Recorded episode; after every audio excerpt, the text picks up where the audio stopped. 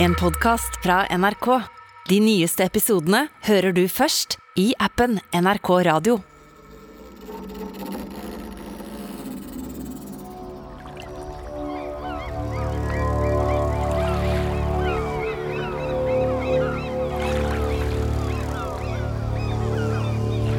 Fimreite inni Sogndalsfjorden, Vestlandet, sommeren 1184.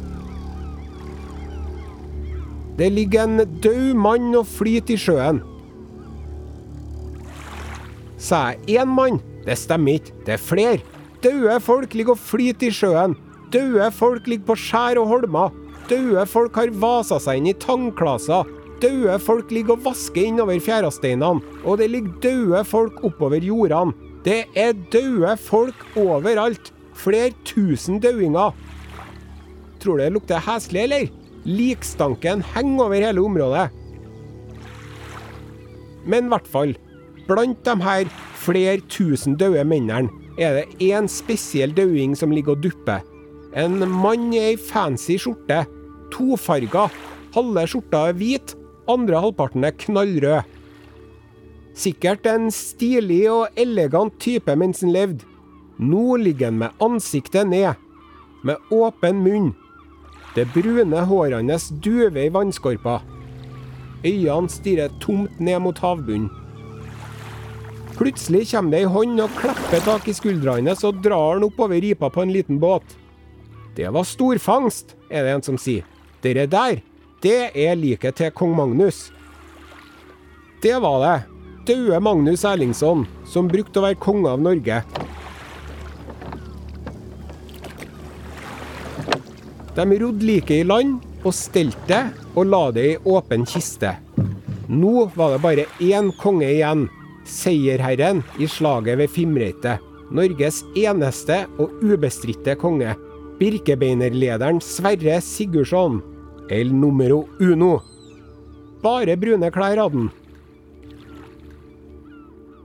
Det er mange som mener at slaget ved Fimreite er det blodigste slaget i norsk historie.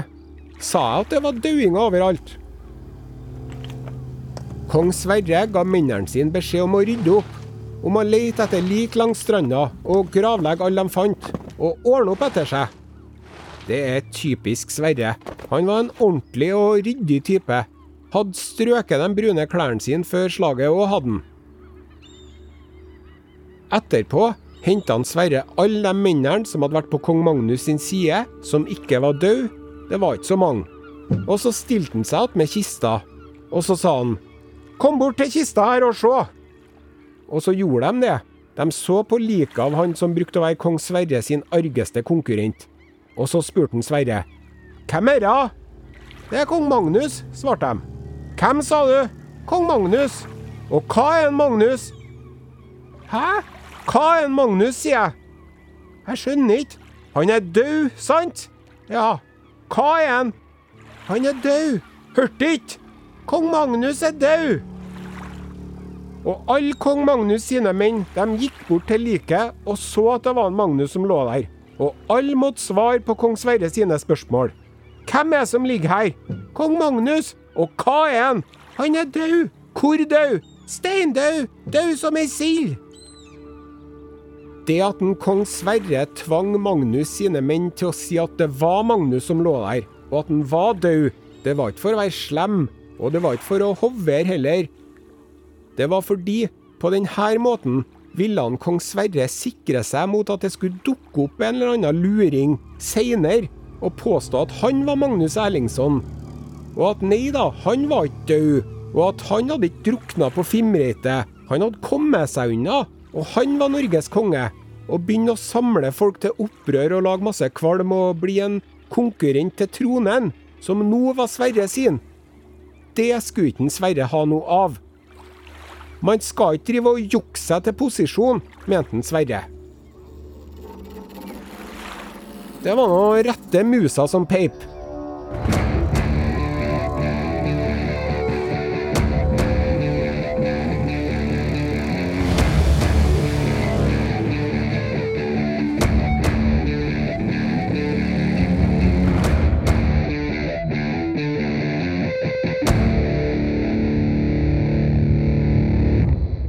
Hører Kongerekka med Are Sende Osen, sesong tre.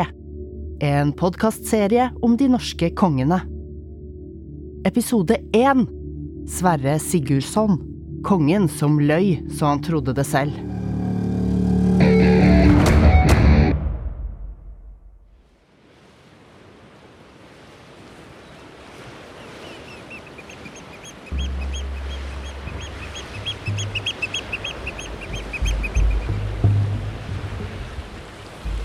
Ok, Sverre Sigurdsson. Kongen som eh, talte Roma midt imot, som det står i nasjonalsangen. Han var en liten gnom. En liten tjukkas. Rødsprengte øyne, skjegg, korte, stutte foter og en veldig lang rygg. Han var fin når han satt, sa de, for da så han høy ut. Sverre var sønn av en kammaker. Han vokste opp på Færøyene. Han var smart og fikk utdanning. Ble utdanna til prest. Sjøl mente han at han passa dårlig til det. Han var for kranglete. Men da han var i 20-årene, da skjedde det noe underlig. Mora til Sverre kom på besøk. Hei, mor, sa han Sverre. Hei, Sverre, sa mora. Hvordan går det, sa Sverre. Jo, sa mora. Du vet jeg nettopp har vært i Roma på pilegrimsreise, sant? Ja. Ja, du skjønner, da skrifta jeg, sant? Jeg tilsto mine synder. Ja. Og så fikk jeg beskjed fra paven. Fra paven? Ja, paven. Og paven sa at jeg måtte At jeg måtte Hva sa paven at du måtte, mamma? Sverre, det er noe jeg må fortelle deg. Han du har trodd hele livet er far din, han kammakeren. Ja, det er ikke han som er far din. Hæ? Nei, faren din er Sigurd Munn, som var konge i Norge før. Sverre, du er kongssønn.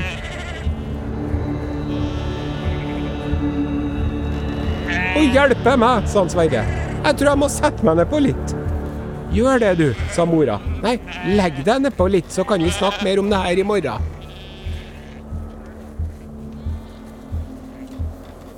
Den natta hadde Sverre en drøm. Og altså, hva folk driver og drømmer, det er egentlig ikke så veldig interessant. Det verste jeg vet, er når folk forteller meg om drømmene sine. Det var meg og deg og en til, men du var ikke du. Du var noen andre. Og vi var i et fly, men det var ikke et fly. Og så kom det ei snakkende sjøstjerne, og takk, takk, takk til deg. Ti stille. Ingen bryr seg.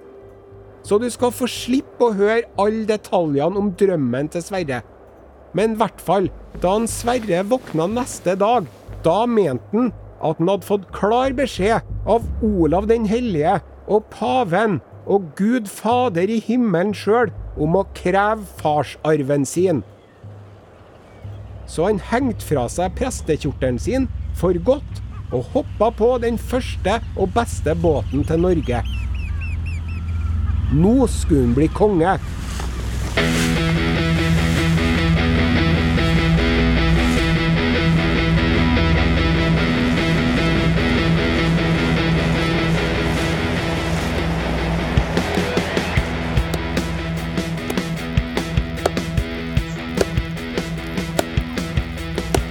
Da Sverre kom til Norge, kom han ganske kjapt i kontakt med en lurvete gjeng som holdt til ute i skogen.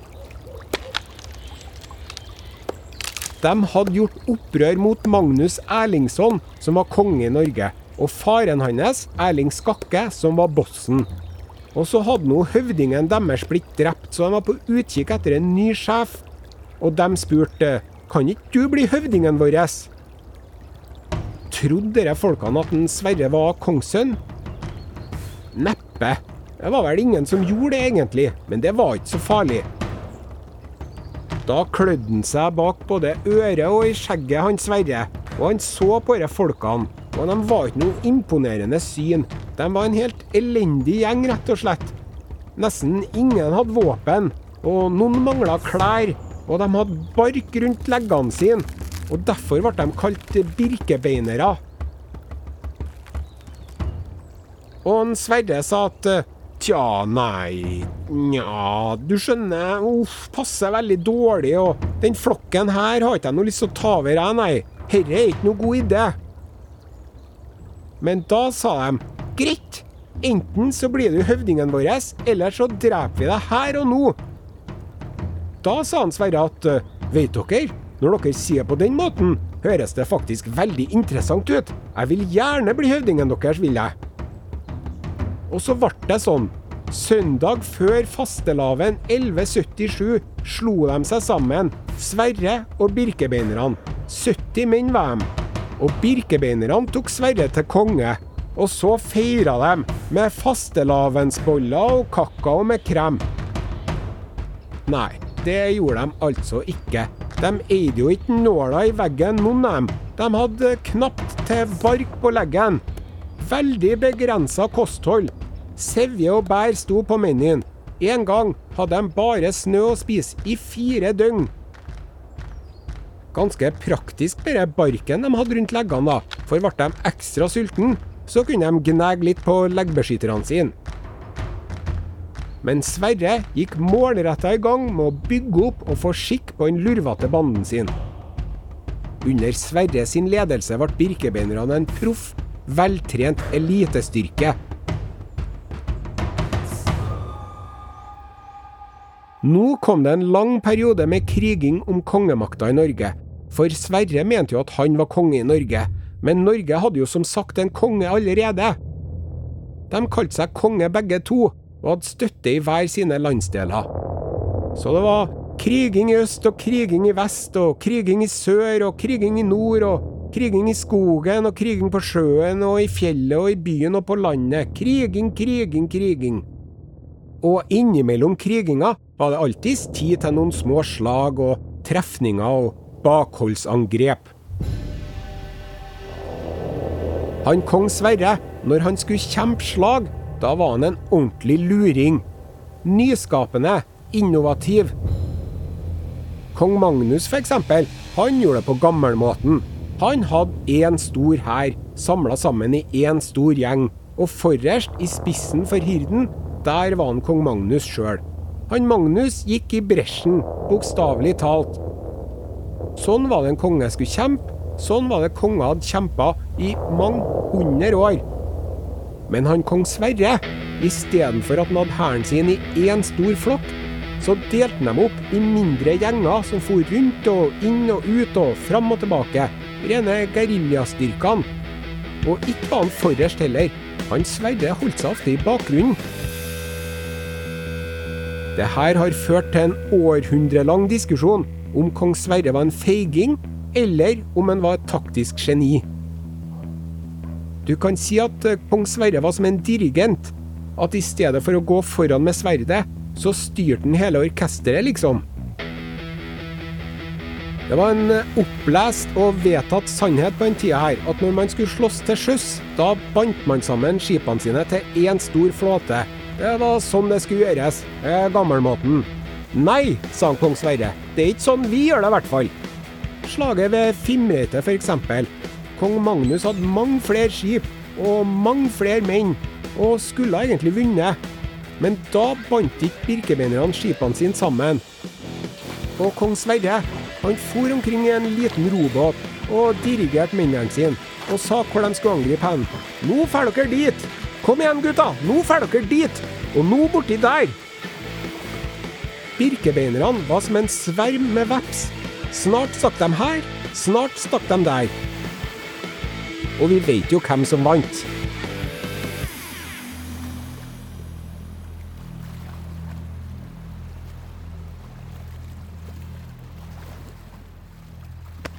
Kong Sverre var nøktern i klesstilen.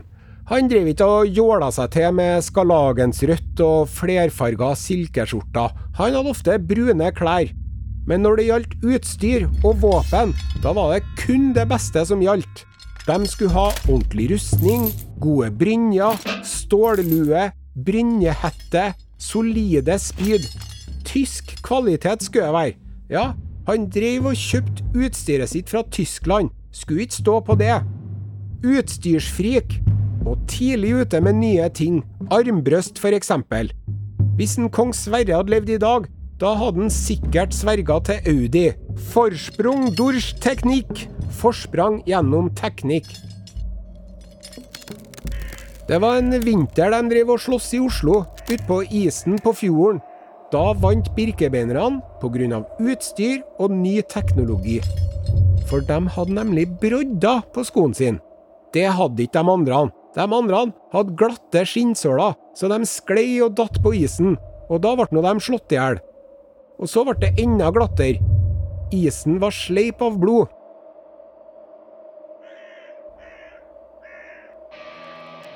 Under kong Sverre ble mange av de mektige familiene i Norge, som hadde hatt makta i flere hundre år, så godt som utsletta. Sverre hadde en ordning for birkebeinerne, og den ordninga gikk ut på følgende. Hvis du dreper en fiende som er hirdmann, da skal du få bli hirdmann. Og hvis du dreper en fiende som er lendmann, ja, da skal du bedre meg få bli lendmann sjøl, ja. Kom igjen, gutta! Stå på! Altså, du fikk rangen og posisjonen til den fienden du drepte i belønning. Ganske inspirerende til å gi jernet. Nå var det ikke sånn at eh, kong Sverre hadde et slags eh, sosialistisk prosjekt. Han var ikke en folkets mann som jobba for å få underklassen opp. Nei, han endra ikke systemet, men han bytta ut personene på toppen. Han fikk inn folk som støtta seg i maktposisjoner. Men lell det her er den første sjansen til å klatre oppover rangstigen i Norge siden tidenes morgen. Så under Sverre dukker det opp stormenn som heter Torolf Rumpe, Karl Kjøttlår, Svinapetter, for å nevne noen. Etter at kong Sverre fikk slått i hjel Magnus, ble han enekonge. Men det var fortsatt ikke fred å få kriging resten av livet. Trondheimen, eksempel. Den slåss birkebeinerne om 25 ganger på 27 år. Herlighet for et styr! Hele tida dukka det opp noen som ville bli konge istedenfor Sverre. Til sammen var det sju forskjellige opprørsflokker som reiste seg mot den. De hadde ganske artige navn, da. Heklungene, Kuvlungene, Vårbelgene, Breiskjeggene og Øyskjeggene. Dere øyskjeggene de kalte seg sjøl for gullbeinere. Sikkert et stikk til birkebeinerne, det navnet, da. Finere med gull enn bark, eh, ventelig. Og ikke minst baglerne. Etter hvert erkefienden til birkebeinerne. De fikk navnet sitt etter den bua staven biskopene brukte. Var et slags eh, kirkeparti, dere baglerne. Noen ganger vant birkebeinerne, noen ganger vant fienden deres.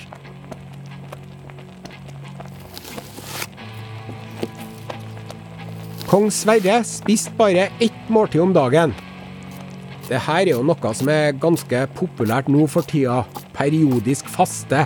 Det skal liksom hjelpe til å holde deg tynn og slank. Det funka nå ikke for kong Sverre. Ble aldri noe moderne bedriftslederkropp eh, uten underhudsfett på han, for å si det sånn. Så ikke ut som en Sverre drev og gikk Birken. Og så ble han aldri full. Han ble aldri full, i motsetning til alle andre omtrent på den tida. Og han likte ikke at birkebeinerne ble full heller. Stadig vekk driver en kong Sverre og snakker om alkoholens svøpe og om måtehold. Han dissa fiendene sine fordi de drakk for mye, og han hadde faktisk en egen tale mot drukkenskap i Bergen våren 1186. Du skjønner, den våren hadde de et uh, alkoholproblem i Bergen, rett og slett. Det var så mye billig vin å få. Tyske kjøpmenn drev og solgte vin. Steinbillig. Markedet var oversvømt av billig tysk vin.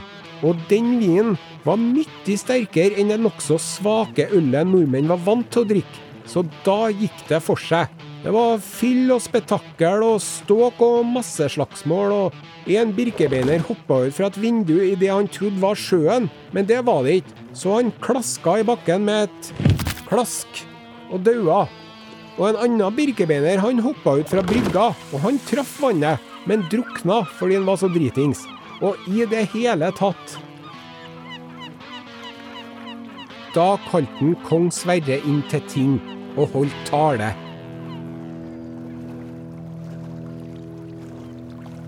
Enda det virka som om han ikke snakka høyt, så bar stemmen hans så godt at de hørte den langt unna. Og der sa han Sverre at vi vil takke engelskmennene som kommer hit, og har med seg hvete og honning og fine klær og godt mel, og andre folk som har med seg tøy og stoffer og voks og gryter, og folk fra Orknøyene og Hjaltland og Færøyene og Island. Alle dem har med seg ting som vi må ha her i landet, og ikke kan unnvære. Men, men, sier jeg, det er tyskerne som kommer hit og tar med seg godt smør og god skrei hjem, og isteden har med seg vin i mengder som folk driver og tyller i seg. Dem kan jeg styre meg for. Forbaska alkopushende tyskere. De kan stikke av. Og dere, som driver og drikker dere sanseløs ustanselig, det kommer ikke noe godt ut av det. Folk mister livet, og noen mister lemmer. Og andre kommer til å bære men hele livet og har fått stygg medfart og er blitt såra og slått. Og det er fylla som har skylda. Og nå må dere tenke dere om hva sånn overdreven drikking fører til. En fyllik forlater alt nyttig arbeid og mister og ødelegger alt nede og blir ussel og nødstedt og fattig og ødelegger hukommelsen gjør òg. Glemsk blir man. Og for det fjerde, folk blir jo helt gal i fylla og gjør mye dumt. For det femte, det er dårlig for helsa. For det sjette, når du så har mista jobb og eiendom og helse og vettet med, da går det som ennå ikke har gått, og det er sjølve sjela. Tenk dere om nå, stordrikkere. Hvem er det som tar sjela deres? Det var jo jævelen det, da. Ventelig. Dere kan ikke holde på sånn som dette, vet dere. I alle ting bør det være måtehold. Og alle fornuftige folk var enige om at det var godt talt av kongen. Og det var det jo. Han Sverre han drev ofte og holdt taler. Noen ganger var det peptalks, noen ganger var det irettesettelser. For eksempel strakk han opp birkebeinerne hvis de for hardt fram mot sivilbefolkning og tilfeldig forbipasserende, og hvis de drev med unødvendig ødeleggelse når de drev og kriga. Hvordan kan jeg kalle styrer for dette landet når dere driver og ødelegger for vanlige folk? Tarten kong Sverre. Og så var det et element av surpomp og besserwisser over Sverre. Alt var nemlig mye bedre før, mente han. Han var tidlig ute med det òg. Så stadig vekk drev han og snakka om de gamle birkebeinerne. De som var med i starten. De var karene sine, dem. Men ungdommen nå til dags, nei, de var dårlige til å holde vakt og tålte ikke så mye slit og sutra og klaga. Men om birkebeinerne var bedre før, så var han kong Sverre sjøl. Han var bedre nå. Han sa at de gamle birkebeinerne de mente jeg var for forsiktig, og noen sa at jeg var feig. Men nå, nå er jeg forrest hver gang vi slåss. Og det stemmer, det. Så han Sverre, han ble mer uvøren og dristig med alderen. Og det er kanskje ganske uvanlig. Jeg vet ikke.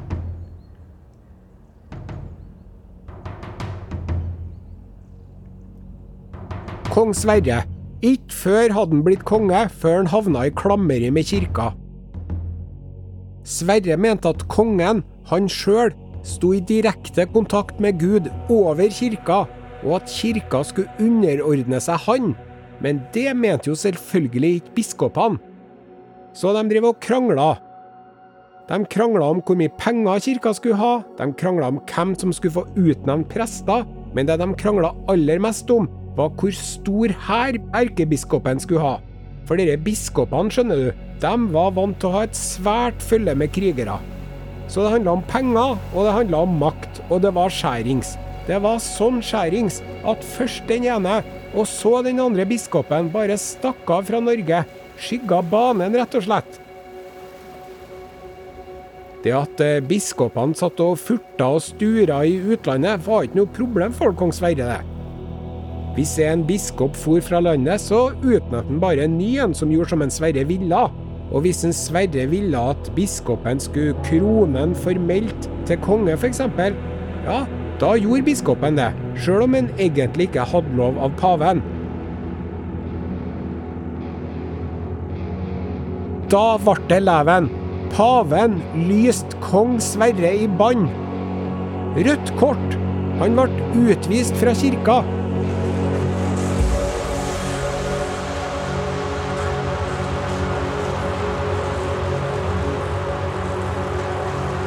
Men kong Sverre mente at eh, det gjaldt ikke. Han sa 'Gud er på mi side'.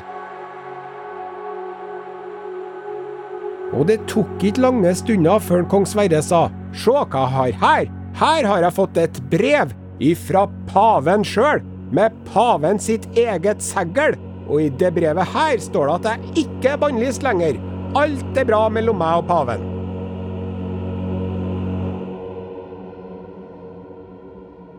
Det er bare et ørlite problem med det brevet fra paven. Og det var at det brevet var falskt. Svindel. Paven hadde aldri skrevet det brevet. Hvem var det som hadde skrevet det, da? Det var han Sverre. Kong Sverre. Han hadde forfalska brevet. Dokumentfalsk, rett og slett. Ja, og han hadde forfalska det pavelige seglet til og med. Han kong Sverre, han bløffa. Og det var ikke den eneste gangen han bløffa. No, sir. Det viser seg det, at han kong Sverre, han var notorisk bløffer. Seriebløffer. Han hadde drevet og bløffa hele tida, han. Antageligvis. For det er mye som skurrer i historia til Sverre når folk har prøvd å ettergå den.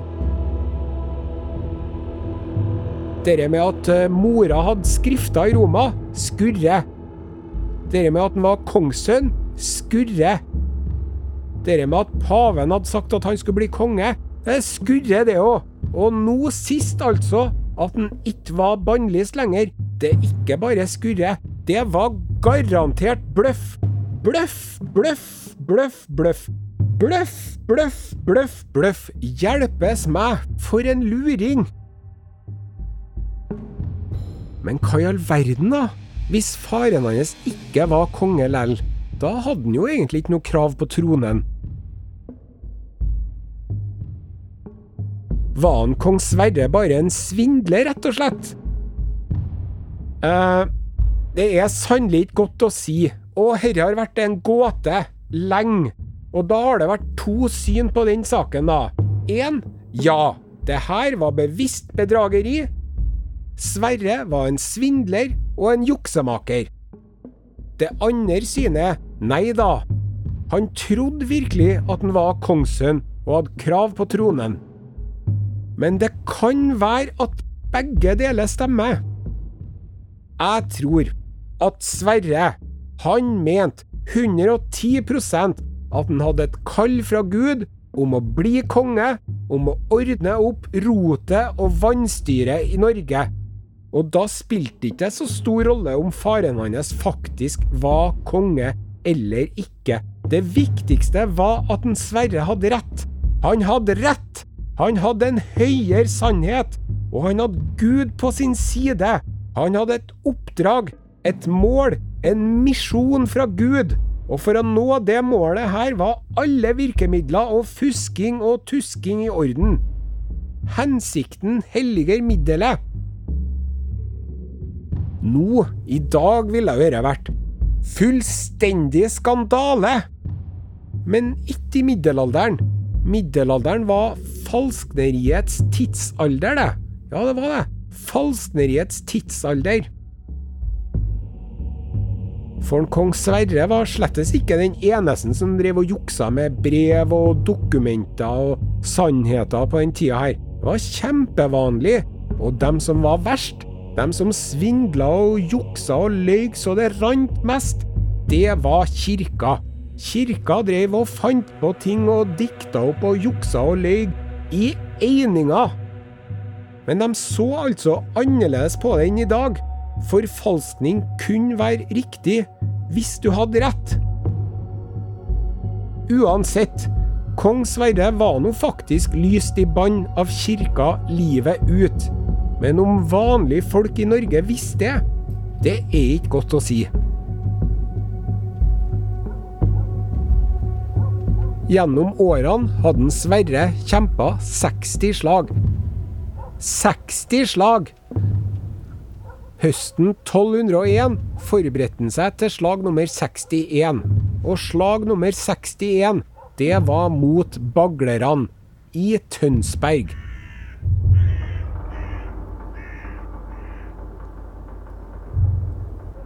Baglerne holdt til i en steinborg på Slottsfjellet.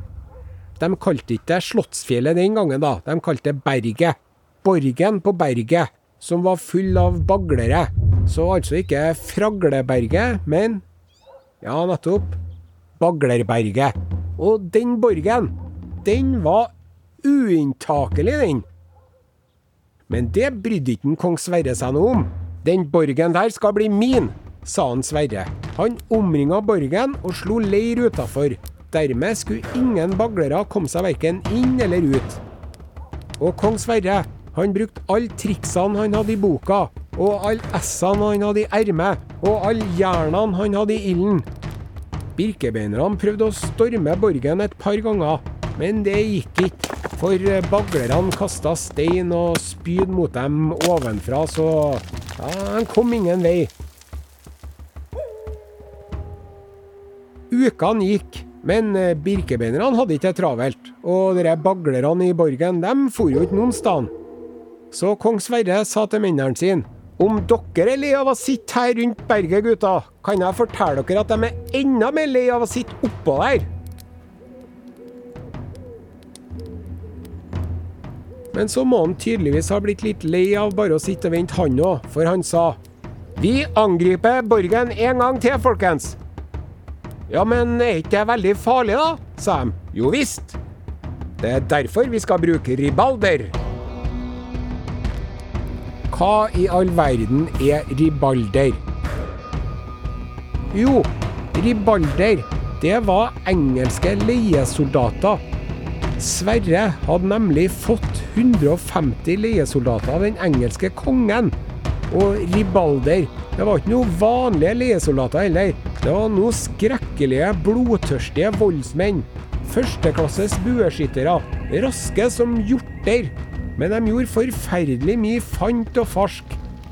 Overalt hvor de kom, så drepte de unge og gamle, kvinner og menn. De drepte alt de fant av husdyr. De drepte hunder og katter og alt som var levende, og bygdene brente dem. Sånn står det i sagaen. Jeg kan fortelle deg at de var så ville og uvøren og farlig at ordet rabalder, ja, det kommer fra de ribalderne som laga så mye rabalder, dem.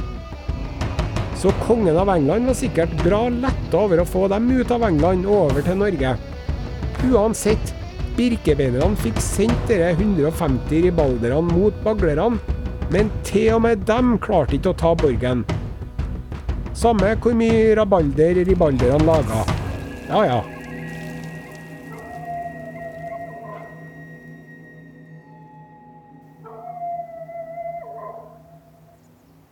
Baglerne begynte å bli desperate oppå berget sitt. Maten minka.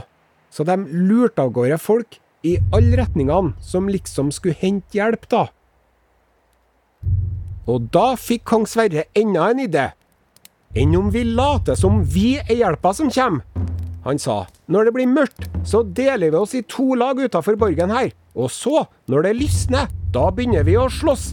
Men ikke på ordentlig, nei. Lekeslåss.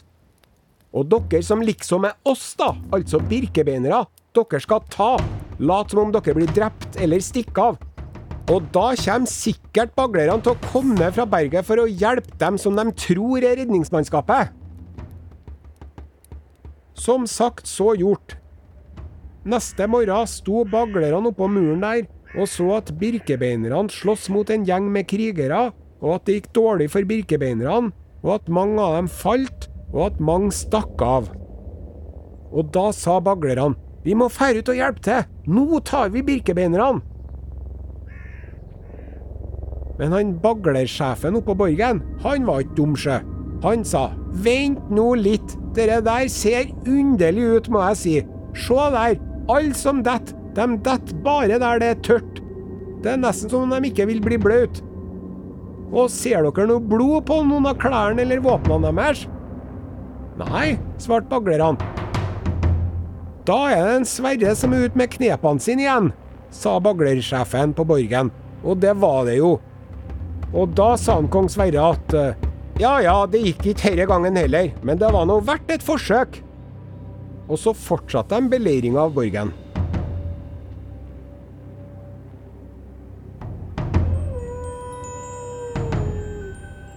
Det lei mot jul, og det ble frost og is. Birkebeinerne var misfornøyd og klaga og bar seg og ville hjem. Da holdt kong Sverre en tale. Han var veldig glad i å holde taler, altså. Han sa Dere driver og maser og vil hjem, ja? Det er umandig å knurre mot kongen sin. Og så begynte han igjen å snakke om hvor utrolig mye bedre alt var før i tida, sånn som han brukte å gjøre. Før i tida så ga vi oss ikke, sjøl om klærne råtna på kroppen vår, og når vi var sulten, da spiste vi slirene på sverdene våre, eller overlæret på skoene, og det syntes vi var godt. Luksus syntes vi det var. mm, overlær på sko, sa vi, det er topp kost, ja. Så nå er det bare å slutte med den knurringa, for her er vi, og her blir vi.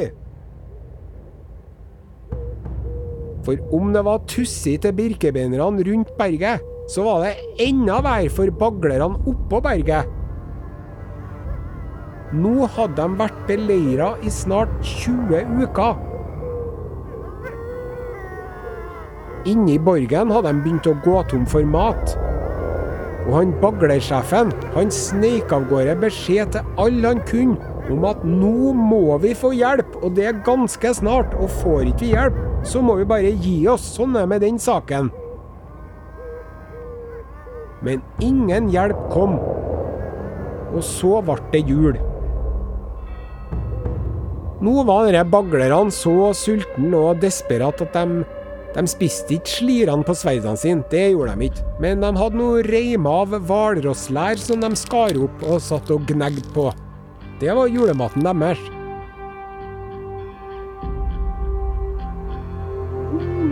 Ei natt sist i jula, da var det en bagler som fikk nok, rett og slett. Han sprang ned fra berget og kom seg fram til kong Sverre og ba om grid, altså nåde. Og det fikk han. Og dere fikk baglerne med seg, og så kom det flere ned fra borgen, som også ga seg. Og så sendte han baglersjefen beskjed til kong Sverre om at i morgen så kommer jeg ned fra berget, for jeg vil heller dø av våpen enn av sult. Men om du skulle finne på å bli meg grid, så vil jeg gjerne ha det. Og kong Sverre, han sa at hvis skal dere få grid, det er greit det, vi gir oss med det tullet her. For sånn var han kong Sverre nemlig. Han var hard mot de harde, men han var en raus og barmhjertig vinner. Hvis folk overga seg og ba om nåde, så fikk de gjerne det.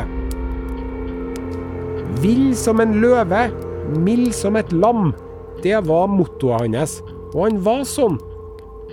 Sammensatt type. Motsetningsfull. Kompleks.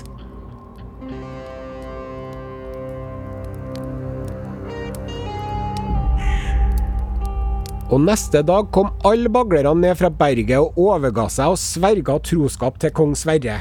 Men når jeg sier alle baglerne, så var det alle baglerne i herre baglergjengen, altså. Det var fortsatt mange andre baglere overalt rundt i landet ellers. Og så sa han kong Sverre, hvordan går det, gutta? Er dere sultne, eller? Og baglerne sa, si ikke nei takk.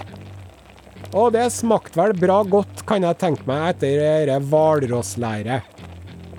Kong Sverre sa til baglerne, må være litt forsiktig nå med å forsyne dere, dårlig vant som dere er. Men det var ikke alle som hørte etter, og noen spiste så mye at de daua faktisk. Da de hadde spist, sa han kong Sverre, nå drar vi! Og så for de mot Bergen i skipene sine.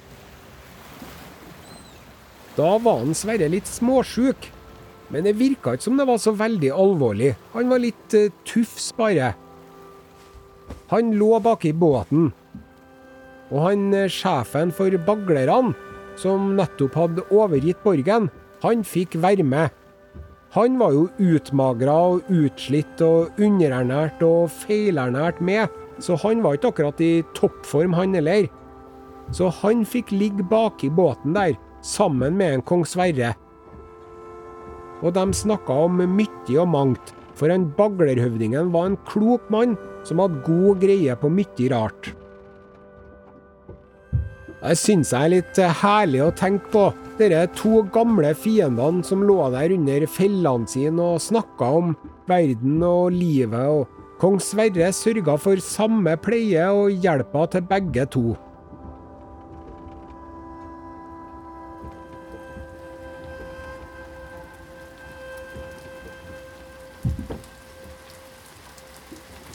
Noen uker etter kom de til Bergen. Da gikk det bedre med en kong Sverre. Han hadde svetta kraftig, og det virka som han var på bedringens vei. Men så ble han dårligere igjen.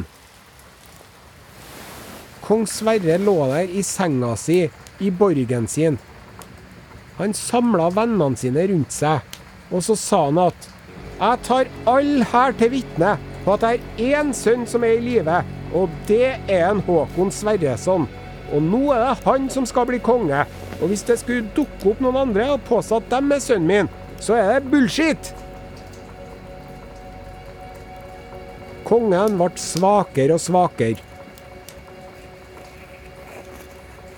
Morgenen etter skrev han et brev til sønnen sin. Han var i Trondheimen. Kongen fikk lest opp brevet for mennene sine, sånn at det ikke skulle være noe tvil om hva som sto i det brevet. Og så døde den kong Sverre. I si ega seng, faktisk. Det var ikke så vanlig, det, sjø. Da var han den første kongen som døde i si ega seng på kjempelenge. De sju siste kongene hadde alle sammen blitt brutalt drept. Kong Sverre sovna fredelig og rolig inn, bannlyst eller ei.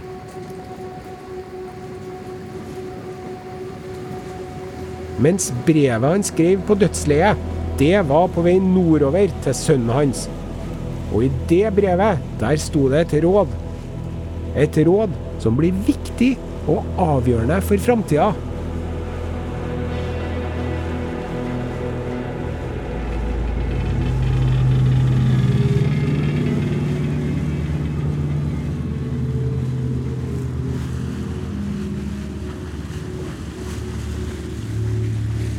Kongerekka er laga av Are Sende Osen og Ragnhild Sleire Øyen. Historisk konsulent er Randi Bjørsol Verdal, og musikken er av Synkpoint.